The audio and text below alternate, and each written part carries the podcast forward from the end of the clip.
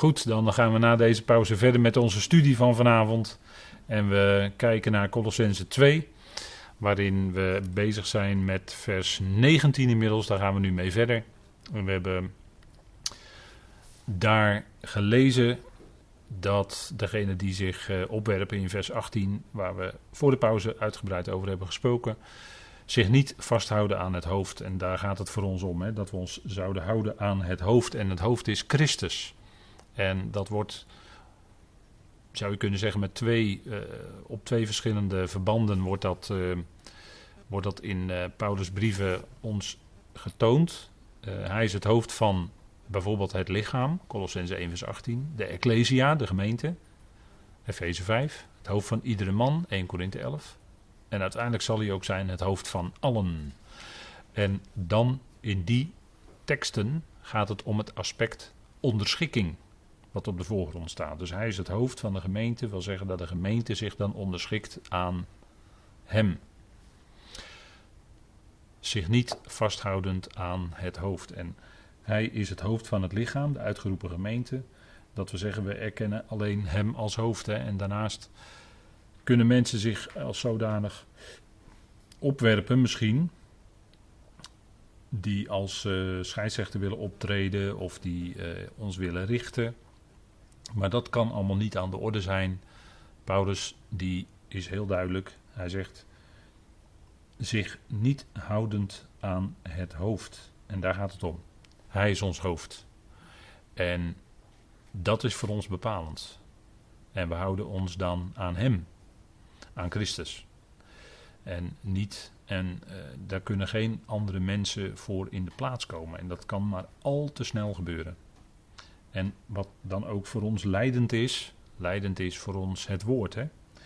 Leidend is dat wat we in het evangelie van Paulus tegenkomen, wat hij in zijn brieven geschreven heeft, dat is voor ons leidend, daar houden we ons aan. En het kan niet zo zijn dat een mens dan allerlei dingen gaat bepalen in plaats van wat daar geschreven staat. Hij is het hoofd. En dat is geweldig, want alles zal onder dat ene hoofd gebracht worden. Dan heb ik het over Efeze 1, vers 10, vers 9 en 10. Dat alles komt onder dat ene hoofd. We gebruiken dan het woord culmineren. Maar dat betekent, uh, als je dat Griekse werkwoord daar nagaat, dan zit er ook het woord hoofd in. Dus alles zal onder dat ene hoofd gebracht worden. En uiteindelijk, als dat gebeurd is, dan zal hij ook zijn koningschap aan God de Vader overdragen. Opdat God zij alles in allen. Daar loopt het natuurlijk uiteindelijk op uit. Maar hij zal blijken te zijn het hoofd. En hij is nu al, we erkennen hem nu al als ons hoofd. En hij is het hoofd van alle overheid en volmacht. Hebben we ook in deze brief gelezen. En ook het hoofd van het lichaam. In hoofdstuk 1. Dus heel bepalend. Hè? Christus is het hoofd van het lichaam. Dat is het enige hoofd wat wij als zodanig erkennen. En dan gaat het hier in deze teksten om onderschikking. Alleen in vers 19 van Colossense 2, daar is een iets ander aspect komt naar voren. Dat is namelijk het punt van groei. En ook dan wordt de Heer aan ons als hoofd voorgesteld, om het zo maar te zeggen. Het is natuurlijk een beeldspraak, maar het is wel zo dat wij door dat hoofd, hè, dat voedsel ontvangen. Er staat in vers 19 van Colossense 2, uit wie het hele lichaam door voedselopname en banden onderhouden en verenigd groeit volgens de groei van God. En een vergelijkbare tekst daarmee is Efeze 4, vers 15. Daar komt ook dat aspect van groei naar voren. Nou, een lichaam, een menselijk lichaam, dat is, het, uh, dat is de beeldspraak hè, die Paulus steeds gebruikt voor wie wij zijn als groep gelovigen. We zijn het lichaam van Christus. En niet de bruid, maar het lichaam van Christus. Dat is een lichaam wat door, Paulus zegt, door banden onderhouden en verenigd. En ik heb er een plaatje van een, uh, van een hand, van een pols op deze dia gezet. En daar worden wat banden in getoond. Hè. Nou, dat is even dan het beeld wat Paulus gebruikt. In het menselijk lichaam zijn allerlei banden en pezen en spieren en noem alles maar op aanwezig. En die zorgen dat, het, dat een menselijk lichaam in, in het verband blijft. Hè, dat het één lichaam als geheel blijft. Maar die pezen en banden en dergelijke, die hebben allemaal voedsel nodig om in stand gehouden te worden. Om die kracht te kunnen blijven leveren om dat lichaam goed in stand te houden. Dus de voedselopname en banden enzovoort, dat gebeurt allemaal in dat lichaam. Maar het, zoals in het dagelijks leven wij voedsel eh, door ons hoofd, hè, door onze mond naar binnen krijgen. Nou, dat is het beeld dat Paulus gebruikt. Zo zouden we ook ons voedsel ontvangen uit het hoofd. Dat is wat Paulus hier zegt. Uit wie het hele lichaam door voedselopname en banden onderhouden en verenigt. Hij houdt ook dat lichaam bij elkaar. dat is uh, altijd een geruststellende zekerheid die we hebben. Die eenheid die is er en die zouden wij bewaren. Geestelijk gezien is dat, hè? De, de eenheid van de geest. Maar dat voedsel, de voedselverstrekking, dat gebeurt natuurlijk door het evangelie. Het evangelie wat Paulus brengt, zijn brieven, dat is voor ons het voedsel. Dat is een voedsel voor het lichaam van Christus. En dat is voor ons het allermeest wezenlijke, het allerbelangrijkste. Natuurlijk heel Gods woord, maar specifiek die brieven. En als we dan even lezen in Efeze 4, vers 15, dat is toch een paralleltekst. Daar staat: Waar zijnde nu in liefde, brengen wij allen tot groei in Hem die het hoofd is, de Christus. Uit wie het is dat het hele lichaam, samen verbonden en verenigd door iedere opname van het verstekte voedsel, in overeenstemming met de werkzaamheid in de mate van een ieders deel, de groei van het lichaam bewerkt. Tot opbouw van zichzelf in de liefde. Dus heel wezenlijk daarin, die voedselverstrekking en die, eh, dat zorgt er dan voor dat het lichaam verbonden, verenigd enzovoort is. Maar heel wezenlijk daarin is de liefde. met liefde zou dat voedsel ook, wordt dat voedsel ons aangereikt. Liefde van Christus, dat is eigenlijk wat alles doordringt. Dat is wat alles, dat zit eigenlijk door al het voedsel heen, zou je kunnen zeggen. Daar zit die liefde van Christus, die liefde van God. En dat is wat wezenlijk is ook voor de groei. zonder liefde kan er geen groei zijn. Dat is uh, wezenlijk voor het lichaam van Christus. En die liefde is natuurlijk, hebben we al uh, even gememoreerd in het eerste deel vandaag, de vrucht van de geest. Het eerste wat genoemd wordt is liefde. En daar zit, eigenlijk zit daar alles in. Hè? De rest is, uh, die andere acht aspecten, is eigenlijk een uitwerking van die liefde die daar staat, die agape. Hoge belangeloze liefde. Dat is wezenlijk voor groei. Dat is ook zo in het dagelijks leven. In een gezin, dan kunnen kinderen groeien. Niet alleen lichamelijk, maar ook als kind tot mens. Als daar liefde is. Als daar echte liefde is. Dat is heel wezenlijk. En daar waar de liefde ontbreekt, in de opvoeding, dan zal dat de rest van het leven merkbaar zijn aan die persoon. Dus heel wezenlijk dat een kind van, van heel klein af, van babytje af, gekoesterd wordt, geliefd wordt. Uh, ja, aan alles eh, wat je maar aan koestering, aan liefde wil geven. Dat is heel wezenlijk voor een kind. En eh, zeker in die eerste prille jonge jaren, die zijn eigenlijk al heel wezenlijk voor de rest van het leven. Dus dat is ontzettend belangrijk.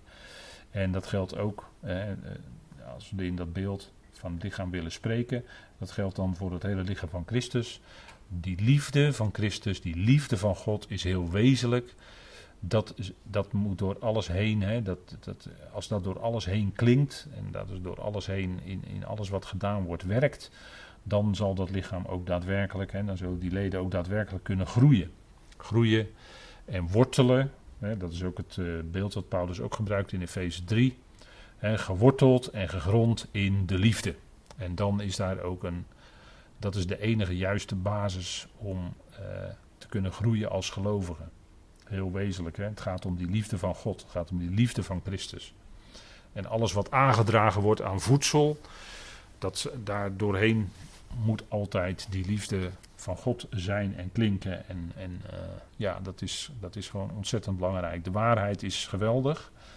Alleen we zouden wel de waarheid in liefde aanreiken. Je kan iemand om de oren slaan totdat die oren er knalrood van zien met waarheid. Maar uh, dat gaat niet opbouwen als dat niet in liefde gebeurt. dus de waarheid zou in liefde aangebracht worden. Dan gaat het ook werken. En dan is het ook waar. Paulus zegt ook in Efeze 4: waar zijnde in de liefde.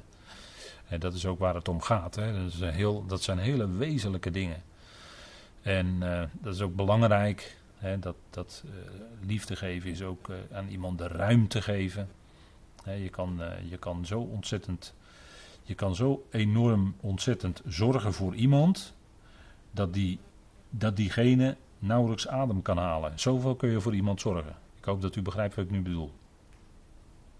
Maar de liefde is ook, betekent ook bij tijd en wijle gewoon de ruimte geven. Dat iemand echt kan ademhalen. Dat iemand kan leven.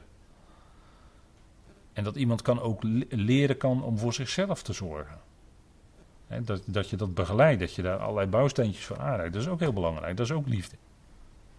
dat is. Uh, en uh, dat is denk ik zoals de Heer ook met ons omgaat. Hij gaat in liefde met ons om toen we pas tot geloof kwamen, dan zegt u terugkijkend, ja, toen moest, eigenlijk, toen moest de Heer nog heel veel aan mij doen, zegt u misschien wel. Ja, inderdaad, dat klopt. Maar de Heer kijkt dan ook in liefde naar u en hij kijkt niet naar hoe u dan bent, maar hij kijkt naar wat, u, naar wat hij van u gaat maken. als mens. Groei, groei hebben we het nu over, hè? groei. In Romeinen 8 zegt Paulus dat ook, dat uh, ja, wij, wij worden omgevormd, dat is een proces tot het beeld van de zoon.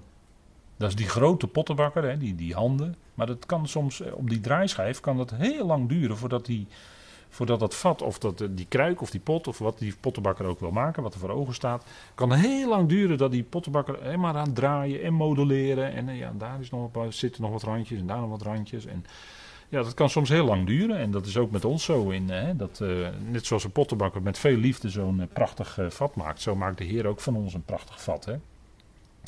En ehm, ja, iemand uh, zegt, die, uh, ik, ik, hoorde wel iemand zeggen, kijk, de mens, de mens, de mens wordt vergeleken met een kruik, hè, of met een aardekruik. In het Midden-Oosten is het natuurlijk heel belangrijk, alles werd in aardekruiken gedaan, ook boekrollen werden erin bewaard. Hè. Maar um, dat is trouwens heel mooi, boekrollen erin bewaard. Kijk, die kruiken, je had, je had in Cana bij die bruiloft had je ook kruiken, die moesten gevuld worden met water. Daar zijn kruiken voor, anders zijn het holle vaten. Dat is met de mens ook zo. De mens moet gevuld worden. anders is mens maar een hol vat. En u weet wat, uh, hoe, hoe hard, een, hard zo'n hol vat klinkt. Hè? Die holle vaten die klinken het hardst. Maar ja, ze zijn wel hol. Dus dan is er weinig inhoud in. Maar kijk, een mens die is een hol vat. En waar moet hij mee gevuld worden? Met het woord van God. Dat is natuurlijk ook een vergelijking in Gods woord. Dat, eh, het water van het woord van God, daar zouden we mee gevuld worden. En wat doet de Heer dan? Die verandert, weet u het bruiloft in Cana? De Heer verandert dan water in wijn. En dat is het mooie van het evangelie. Als dat in je komt, hè, als dat woord van God, als dat evangelie in je komt, dan eh, gaat het in jou worden tot een bron van vreugde. Hè, want wijn is natuurlijk een beeld van vreugde. En dan wordt water, dat water van het woord van God wordt in jou tot vreugde. En dan ga je ervaren dat het leven van Christus een en al vreugde en liefde en vrede is in jou. En dat gaat alleen maar toenemen. en dat, daarom is het ook goed om uh, regelmatig, uh, want het kan wel eens zijn dat, uh, dat er wat water uit jou verdampt. Dan is het wel goed om af en toe dat water ook een beetje aan te vullen weer. Daarom is het denk ik fijn om te luisteren naar het woord.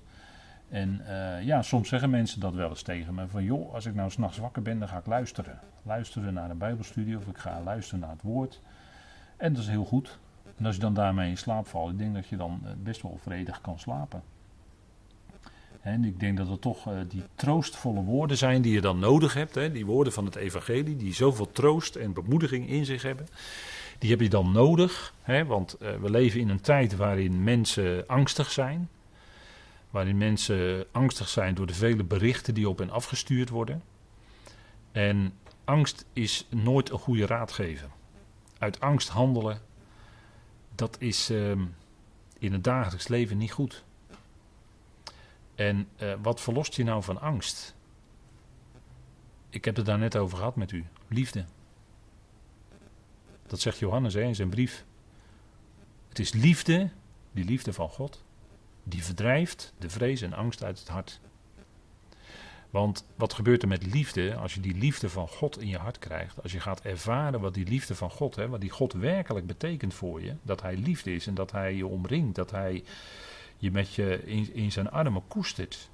Als je dat gaat beseffen, hè, dat je in zijn hand in zijn liefdevolle hand werkelijk geborgen bent, dan gaat die angst die jou zo kan beetnemen, die gaat verminderen. Die gaat dan, die gaat dan langzamerhand wegtrekken uit dat denken.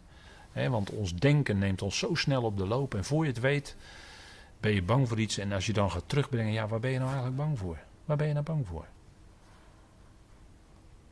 En, en uh, angst, angst, uh, als je dat terug wil leiden hè, naar de schrift, als je dat terug wil leiden, angst is angst voor de dood. Een mens heeft ergens altijd een angst om dood te gaan. En, en daar komen angsten van de mens vaak uit voort. Of iets wat onbestemd is, wat onbekend is. En ook al weten wij niet, want je zou voor de dag van morgen als mens zou je bang kunnen zijn. Want ja, wat gaat er morgen allemaal gebeuren? Morgen kan er dit, dit, dit, dat gebeuren. Ja, dat kan je allemaal in je hoofd halen. Maar weet u, kijk, net zoals gisteren God er was, en net zoals die vandaag dezelfde is, die is die ook morgen. God verandert niet. Hij is altijd liefde. En hij blijkt, morgen blijkt dat zijn liefde weer wat groter is voor jou dan dat je dacht. Ook morgen ben je in zijn hand. Wat er ook gebeurt, wat er ook gebeurt, en er kunnen hele akelige dingen gebeuren, en dat wens ik niemand toe. Maar je bent te allen tijden in die liefdevolle hand van God. Daar kun je nooit uitvallen. Nooit. En ik denk dat dat dingen zijn die duidelijk uit Gods woord naar voren komen. En het punt is dat ook eh, de Bijbel gebruikt is, en dan zeg ik toch echt misbruikt is, om mensen angst aan te jagen. En dat is een hele kwalijke zaak. Dat is heel kwalijk. Mensen wordt angst aangejaagd doordat gezegd wordt: als ze niet geloven, gaan ze voor eeuwig verloren. En in allerlei gradatie wordt dat gezegd: met en met vlammen, of niet met de hel en niet met vlammen, dan, maar wel voor eeuwig verloren. Dat is gewoon niet waar. Dat is gewoon niet waar. Dat is, dat is niet de waarheid. God, die liefde is, die jou geschapen heeft, die ieder mens geschapen heeft. Hoe kan hij ook maar één mens voor altijd verloren laten gaan? Dat is onmogelijk. Dan heb je een verkeerd beeld van God. Want God is liefde en al zijn schepselen, en dat is Colossense 1, dat hebben we met elkaar behandeld. Al zijn schepselen zijn met hem verbonden met banden van liefde. Hij heeft alles geschapen. Hij heeft die hele mensheid geschapen. Die kan hij nooit, ook al is het maar eentje uit zijn, uit zijn aangezicht wegdoen voor altijd. Dat, kan niet. Dat is onmogelijk. Wat er ook gebeurd is. En, en, en we gaan in de openbaring gaan we toe, in de studies openbaring gaan we toe naar de grote witte troon. En zegt hij, ja, ja, daar gaat heel wat gebeuren. Zeker, daar gaat heel wat gebeuren. Maar het einde van de grote witte troon is niet dat mensen voor altijd verdoemd worden. Maar het einde is dat ze wel in de tweede dood gaan, maar daar komen ze ook weer uit. Dat zegt Gods woord. De dood is de laatste vijand, maar dat is niet het laatste woord. Het laatste woord wat God spreekt is leven. En dat is met de L van liefde. En daar zal niemand ooit buiten kunnen vallen. En een uh, schriftuitlegger die heeft eens gezegd: kijk, kijk, God die schrijft geen mensen af, maar die schrijft mensen in. Waarin? In zijn liefde. En dus kan er nooit iemand. Dat, dat, kan, is onmogelijk. God schrijft geen mensen voor altijd af. Dat, dat kan niet. God is liefde en dat maakt hij waar. Dat zullen wij gaan zien. Ook al wordt het bestreden door weet ik wie, of door wat voor gedachten dan ook, maar dat is allemaal kwats. Dat is allemaal afleiding van. En dat is het punt, hè. Kijk, die liefde van God, die liefde van God, die verdrijft de angst uit het leven. En, en dat is wat, dat is iets geweldigs. Dat is iets geweldigs. En het is echt niet, eh, we zijn mensen en daarom zijn we zwak. En het is echt niet gezegd dat als je gelovige bent, dan mag je geen angst hebben. Natuurlijk niet, natuurlijk niet. Dat, dat, dat is onmogelijk, dat kan je nooit zeggen, want we zijn mensen. Maar het is wel zo dat die boodschap van liefde van God, die, die verdrijft uit het mensenhart angsten. En ik denk toch dat daar heel wat gelovigen van kunnen getuigen. Ik in ieder geval wel. En dat zijn, en dat zijn hele belangrijke dingen. Kijk, mensen zijn bang voor de dood. Maar als je weet dat de dood niet definitief is, dat de dood niet, ja, dat is wel het einde van dit aardse leven, maar dat is niet definitief. God gaat al die mensen doen opstaan. Christus is opgestaan, dat is de garantie dat iedereen gaat komen. Dat is Gods liefde. En als je dat beseft, dan ga je er toch anders tegenaan kijken.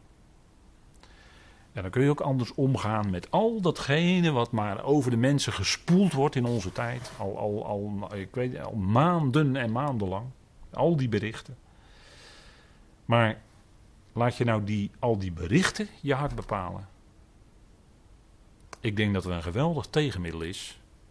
Dat je datgene wat als geweldig bericht in Gods woord is opgenomen. Die liefde van God, waar heel Gods woord van spreekt dat dat heel wezenlijk is. En dat je dat bemoedigt. En dat je dan kunt zeggen: ja, kijk, nu kan ik morgen tegemoet. Want ik hoef het niet zelf te doen, maar ik ga met mijn Heer morgen tegemoet. En dan is het goed. Dan weet ik dat mijn leven in zijn hand is. Dat is uh, fijn. Dan ga je met vreugde die nieuwe dag in. En dan vertrouw je. dat is toch ook ons jaarthema. Vertrouwen op de Heer met heel je hart. En steun op je eigen inzicht niet. Dat is punt. Want die Heer is liefde. Die Heer, daar kun je op vertrouwen met heel je hart. Die, die laat je niet vallen. Nooit, nooit, nooit. En dat is, uh, nou, dat is geweldig, hè? Kijk, die liefde. Kijk, de groei, groei. Je, gaat, je, je groeit als gelovige. Door die boodschap van de liefde van God. Dat is denk ik heel belangrijk. Dat is denk ik wezenlijk dat, dat, is, dat is wat je als mens, wat je als wat gelovige echt doet groeien. En, en ja, dat is geweldig. En dan heb je, een, ja, inderdaad, dan heb je een hele grote God. En dan ben jij als mens maar heel klein en heel nietig. En toch mag je er zijn als mens, wie je bent. Met, ja, je beseft maar al te goed wat je tekorten zijn, ja, zeker. Maar toch, je bent geliefd door Hem, door Vader. Dat is altijd zo. Dat blijft altijd staan. Dat verandert nooit. En dat is nou het geweldige van die liefde van God. Hè? Ja. Nou, we gaan verder. We laken er nooit, eigenlijk nooit over uitgesproken. Maar we gaan verder met Colossense 2, vers 20. En dit is natuurlijk ook evangelie. Hè? Indien jullie dan tezamen met Christus afgestorven zijn aan de grondregels van de wereld. Dat is het geheim. Dat is de. Ja, hoe moet je dat nou zeggen? Dat is eigenlijk de oplossing. Dat is het geheim. Hè? afgestorven zijn aan de grondregels van de wereld. En daar hebben we het voor de pauze al over gehad met elkaar. Kijk, die grondregels van de wereld, wat, wat is dat nou? Die, uh, die ja, grondbeginselen, we hebben dat toch een beetje weer aangepast naar grondregels, dat woord. De stoigaia zijn dat. Maar dat zijn de, de wetten, de rituelen, voorschriften over het doen en laten van mensen. He, uit welke hoek dat dan ook maar komt. En, en in de gelaten brief is het toch wel opmerkelijk, in gelaten 4, dat uh, Paulus daar ook het judaïsme onderschaart. dus hij, hij schakelt dat eigenlijk helemaal gelijk. Het betreft dus alle wetten, rituelen en voorschriften over het doen en laten van mensen. Of dat nu, uh, laten we maar zeggen, uit allerlei uh, niet-bijbelse religies is, of dat het uit het judaïsme is. Dat, dat maakt eigenlijk dan geen verschil meer. Dat heeft te maken met de grondregels van de wereld. Dat is, de, dat is deze oude wereld. En dat, daar ben je dus dan aan voorbij. Hè? Dat zegt Paulus hier. Indien jullie dan tezamen met Christus afgestorven zijn aan de grondregels van de wereld. Nou, ik heb hier een uh, plaatje, dat kwam ik ergens tegen. En uh, dat was ook een Bijbeluitlegger die ook daarachter was gekomen dat er vijf kruisen stonden op Golgotha. Hè, samen met de Heer nog vier anderen twee rovers en twee misdadigers. En daarmee, met die vier, wordt ook die hele wereld uitgedrukt. Als we even de getallen symboliek, één met vier, dat wil zeggen dat die hele wereld tezamen met hem gekruisigd is. En dat is gewoon een bijbelse waarheid. Hè? Die hele oude mensheid, Romeinen 6 vers 6, is samen met hem mede gekruisigd. En dat is hier de uitwerking, lezen wij hier. We zijn afgestorven van de grondregels van de wereld. Daar zijn we dood voor dus. Daar hebben we eigenlijk dan niet meer mee te maken. we hebben te maken met dat nieuwe leven van Christus in ons. Die liefde van God in ons. En dat is voor ons bepalend. En dat is voor ons eigenlijk het fundament. Hè? Dat, is het, dat, dat is het feit wat ons gepresenteerd wordt in het evangelie. Hè? Dat, dat is een feit. En dat, uh, nou, Colossense 2 vers 20 kun je leggen naast Galaten 2 vers 20. Dat is misschien een leuk bruggetje. Hè, dat, spreekt wel over, uh, ook over het kruis. Dus dat, dat is heel wezenlijk bij Paulus natuurlijk. Afgestorven van de grondregels van de wereld. Dus ja, um, we hoeven ons niet meer druk te maken over allerlei regels en dingen die we wel of niet moeten doen. dat is voor ons niet bepalend, zeker niet. Maar we leven dat nieuwe leven van Christus. dat is denk ik fijn. En dan zegt Paulus: kijk, als dat nou zo is. En dan komt er eigenlijk een, uh, ja, een, een gevolgtrekking. Uh, waarvan je zegt: van ja, er is eigenlijk geen spel tussen te krijgen. Want uh, Paulus zegt: ja, als dat nou zo is, jullie zijn afgestorven van die grondregels van de wereld. Waarom laten jullie je als levende in de wereld? Met andere woorden, alsof je nog in die oude wereld, net zoals die oude wereld leeft, onder inzettingen plaatsen.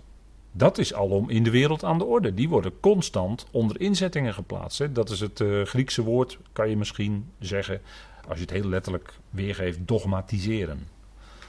Hè? Waarom laat je je onder inzettingen plaatsen? Dat je niet zal aanraken, of proeven, of beroeren. En dat, is in, dat gebeurt in de wereld. Van, oeh, je mag dat niet aanraken. Of uh, binnen, uh, bij, bij, ik heb hier het plaatje dan, uh, een bijbelsplaatje van Petrus die dan naar Cornelius moet gaan. En die zegt van, ja, maar ik kan er niet naartoe gaan, want dat is iemand uit de natie. Daar kan ik niet zomaar naartoe gaan. Terwijl de Cornelius notabene wel iemand was die God vereerde. Het was wel een proseliet. Maar toch had Petrus uh, enorm veel moeite om naar hem toe te gaan. En toen, weet wel, dan krijgt hij dat visioen van die laken van die reine en onreine dieren. En dan krijgt hij te horen: ja, wacht even, als God dat nou zo verklaart dat jij naar iemand die, waarvan jij meent dat hij misschien onrein is, maar als God nou zegt dat je daar naartoe moet gaan, is het prima. Even eh, Romeinen of uh, Handelingen 10 en 11, he, even heel kort. Maar als God het nou zegt van prima om daar naartoe te gaan, ga. En Petrus ging. Dus je ziet dat de Jood Petrus heel veel moeite had om naar zo'n in zijn ogen onreine uit de natie toe te gaan. En zo, kennen de, zo kende Israël natuurlijk allerlei voorschriften van, uh, ja, als uh, de leviet en de priester, die mochten, uh, als ze dan een dode aanraakten, dan waren ze tot de avond onrein en, en noem maar op dan werden ze onrein verklaard en dan moesten ze via allerlei rituelen enzovoort. Uh, op een gegeven moment waren ze dan wel weer rein. Nou, dat gebeurde misschien ook wel bij die Samaritaan, hè, want de Heer vertelt dan dat verhaal van die Samaritaan. En dan komt de priester voorbij en dan komt de leviet voorbij. En die zien die man daar liggen, die denken misschien wel dat hij dood is. En die raken ze niet aan, want uh, ja, naar de wet gesproken mochten ze hem niet aanraken, want dan zouden ze onrein zijn. En uh, dat is ehm, ja, uh, dat is typisch dan iets uit de wet. Hè? Maar in feite uh, zegt Paulus hiermee in Colossense 2... Uh, ja, iets niet aanraken of iets niet proeven of beroeren. En natuurlijk uh, zijn we door het evangelie helemaal vrij om te eten wat we willen. En we doen geen navraag. Ook al zou het voedsel zijn wat misschien ooit aan de afgoden geofferd is geweest. Maar als we geen aanvraag doen, we weten het niet, dus we eten het gewoon. Want alles wat uit de schepping komt is nuttig en is goed om te eten. Als je God ervoor kan danken, is prima. Nou, dat is wat in feite voor ons geldt. Hè. Maar die Colossensen die werden kennelijk beïnvloed door dwaalleraren met een bepaalde achtergrond. Die tegen hen zeiden van ja, je mag dit niet eten of je mag dat niet. En uh, ja, alle, allerlei... Uh, en, en zo zijn mensen ook vaak bezig. Hè. Van uh, ja, ik, ik wil dat niet, want dan word ik misschien wel besmet. Hè. Je hebt mensen die hebben, ja, dat is ook lastig. Die hebben smetvrees en uh, noem alles maar op. Maar het punt is, waarom, Colossense, waarom laten jullie je alsof je in de wereld leeft? Want daar is de wereld constant mee bezig. En jullie, zijn, jullie gaan dan ook weer op die tour? Besef, besef dat je samen met Christus afgestorven bent voor al die grondregels. En dat je gewoon volledig vrij als gelovige kan leven. Paulus zegt: Kijk, in Colossense 2, vers 22. Hij zegt: Kijk, al die inzettingen, al die leringen van mensen, al wat bezig is met rein, onrein, eh, noem maar op, eh, voedsel, de, wat je wel, wel of niet mag eten, wat je wel of niet mag drinken, noem alles maar op. Hij zegt: Al die regels eh, die, die over de mensen dan gelegd worden, dat leidt allemaal tot bederf. En eh, kijk, dat, in, in die regels, daar zit altijd een stuk slijtage in. Uh, als, als er in een bepaalde context, in een bepaald land of in een bepaalde cultuur allemaal regels gelegd worden op gelovigen, dat zo'n cultuur, zo'n omstandigheid is constant in verandering. En op een gegeven moment eh, merk je dat die regels of die inzettingen die uh, op de mensen gelegd zijn, dat wordt sleets, dat slijt gewoon uit. Hè? Dat is onderhevig aan slijtage of aan, uh, ik heb hier een paar plaatjes, roest of betonrot of schimmel. Als je appels of sinaasappels te lang laat liggen op de fruitschaal, dan komt daar schimmel op en dan gaan ze rotten. Nou, dat is ook een beetje het beeld dat Paulus denk ik gebruikt hier, dat woord bederf. Door het gebruik, want dat, dan, dan slijt het uit. Dan slijt het uit. Kijk, in, in, uh, in bepaalde uh, kerkgemeenschappen, die gaan op zondag lopend naar de kerk, wandelen naar de kerk. Niet op de fiets, niet met de auto. Maar er is natuurlijk al lange tijd geweest dat er geen fiets was, geen fietsen bestonden en ook geen auto's. Dus dan had je kennelijk andere regels. Maar dan, zo zie je dat. Dan ontstaat een andere omstandigheid, mensen gaan andere regels instellen en dat gaat ook op de duur gewoon weer voorbij. En zo is het met al die dingen. Hij zegt: kijk, voorschriften en leringen van mensen, dat gaat allemaal voorbij. En wat blijvend is, dat is wat we hebben ontvangen. Dat leven. En dan zegt hij: kijk, dat zijn dingen die weliswaar een, een uitdrukking hebben, hè, een, een expressie hebben van wijsheid, vers 23. In een eigenwillig ritueel en in nederigheid en het niet sparen van het lichaam bijvoorbeeld uh, ascese, dat heb je bij de monniken. Uh, op een gegeven moment is dat ontstaan. De monniken in de kerk, die onthielden zich van alles. Die onthielden zich van het huwelijk, die onthielden zich van voedsel, uh, vasten, noem maar op, ascese. Het is allemaal eigenwillig ritueel, zegt hij. En, en dat is zogenaamde nederigheid. Maar in feite is dat het niet. En het niet sparen van het lichaam, hè, ascese. Je onthouden van. Maar dat is allemaal, zegt hij, en daar sluiten we dan mee af vanavond. En ik denk dat dat heel erg duidelijk is. Dat zijn dingen die van geen enkele waarde zijn. Dan, en dienen dan alleen maar tot bevrediging van het vlees. En dat is dan, mensen houden zich aan allerlei rituelen. Mensen doen allerlei dingen of laten allerlei dingen. Maar dus eigenlijk, als het gaat in godsdienstig opzicht, is dat niets anders dan bevrediging van het vlees. Daarin verzadig je alleen maar het vlees. Om het zo maar te zeggen. Goed, nou we gaan uh, afsluiten met elkaar met een dankgebed. Vader, we danken u dat we zo deze studie bezig mochten zijn met de woorden van de apostel Paulus. We danken u dat het duidelijk is wat hij zegt in dit stukje van Colossense. We danken u dat we geroepenen zijn, dat we die liefde van God in ons hart hebben, dat we dat nieuwe leven van Christus hebben ontvangen. Vader, dank u wel dat voor ons al die zaken die te maken hebben met deze oude wereld, Vader, dat we daaraan voorbij zijn als gelovigen. Dat we in een hele nieuwe situatie zijn geplaatst in Christus. Vader, dank u wel voor die genade, voor die heerlijkheid. Dat Hij ons hoofd is en dat Hij bepaalt. Vader, we danken u voor uw goedheid, voor uw trouw. We danken u dat u zo deze momenten van studie wilde geven. We danken u voor de woorden uit uw woord. En mogen die beklijven in ons hart. En ons bemoedigen steeds weer en ons opbouwen. Vader, dank u wel dat u ons opbouwt in de liefde.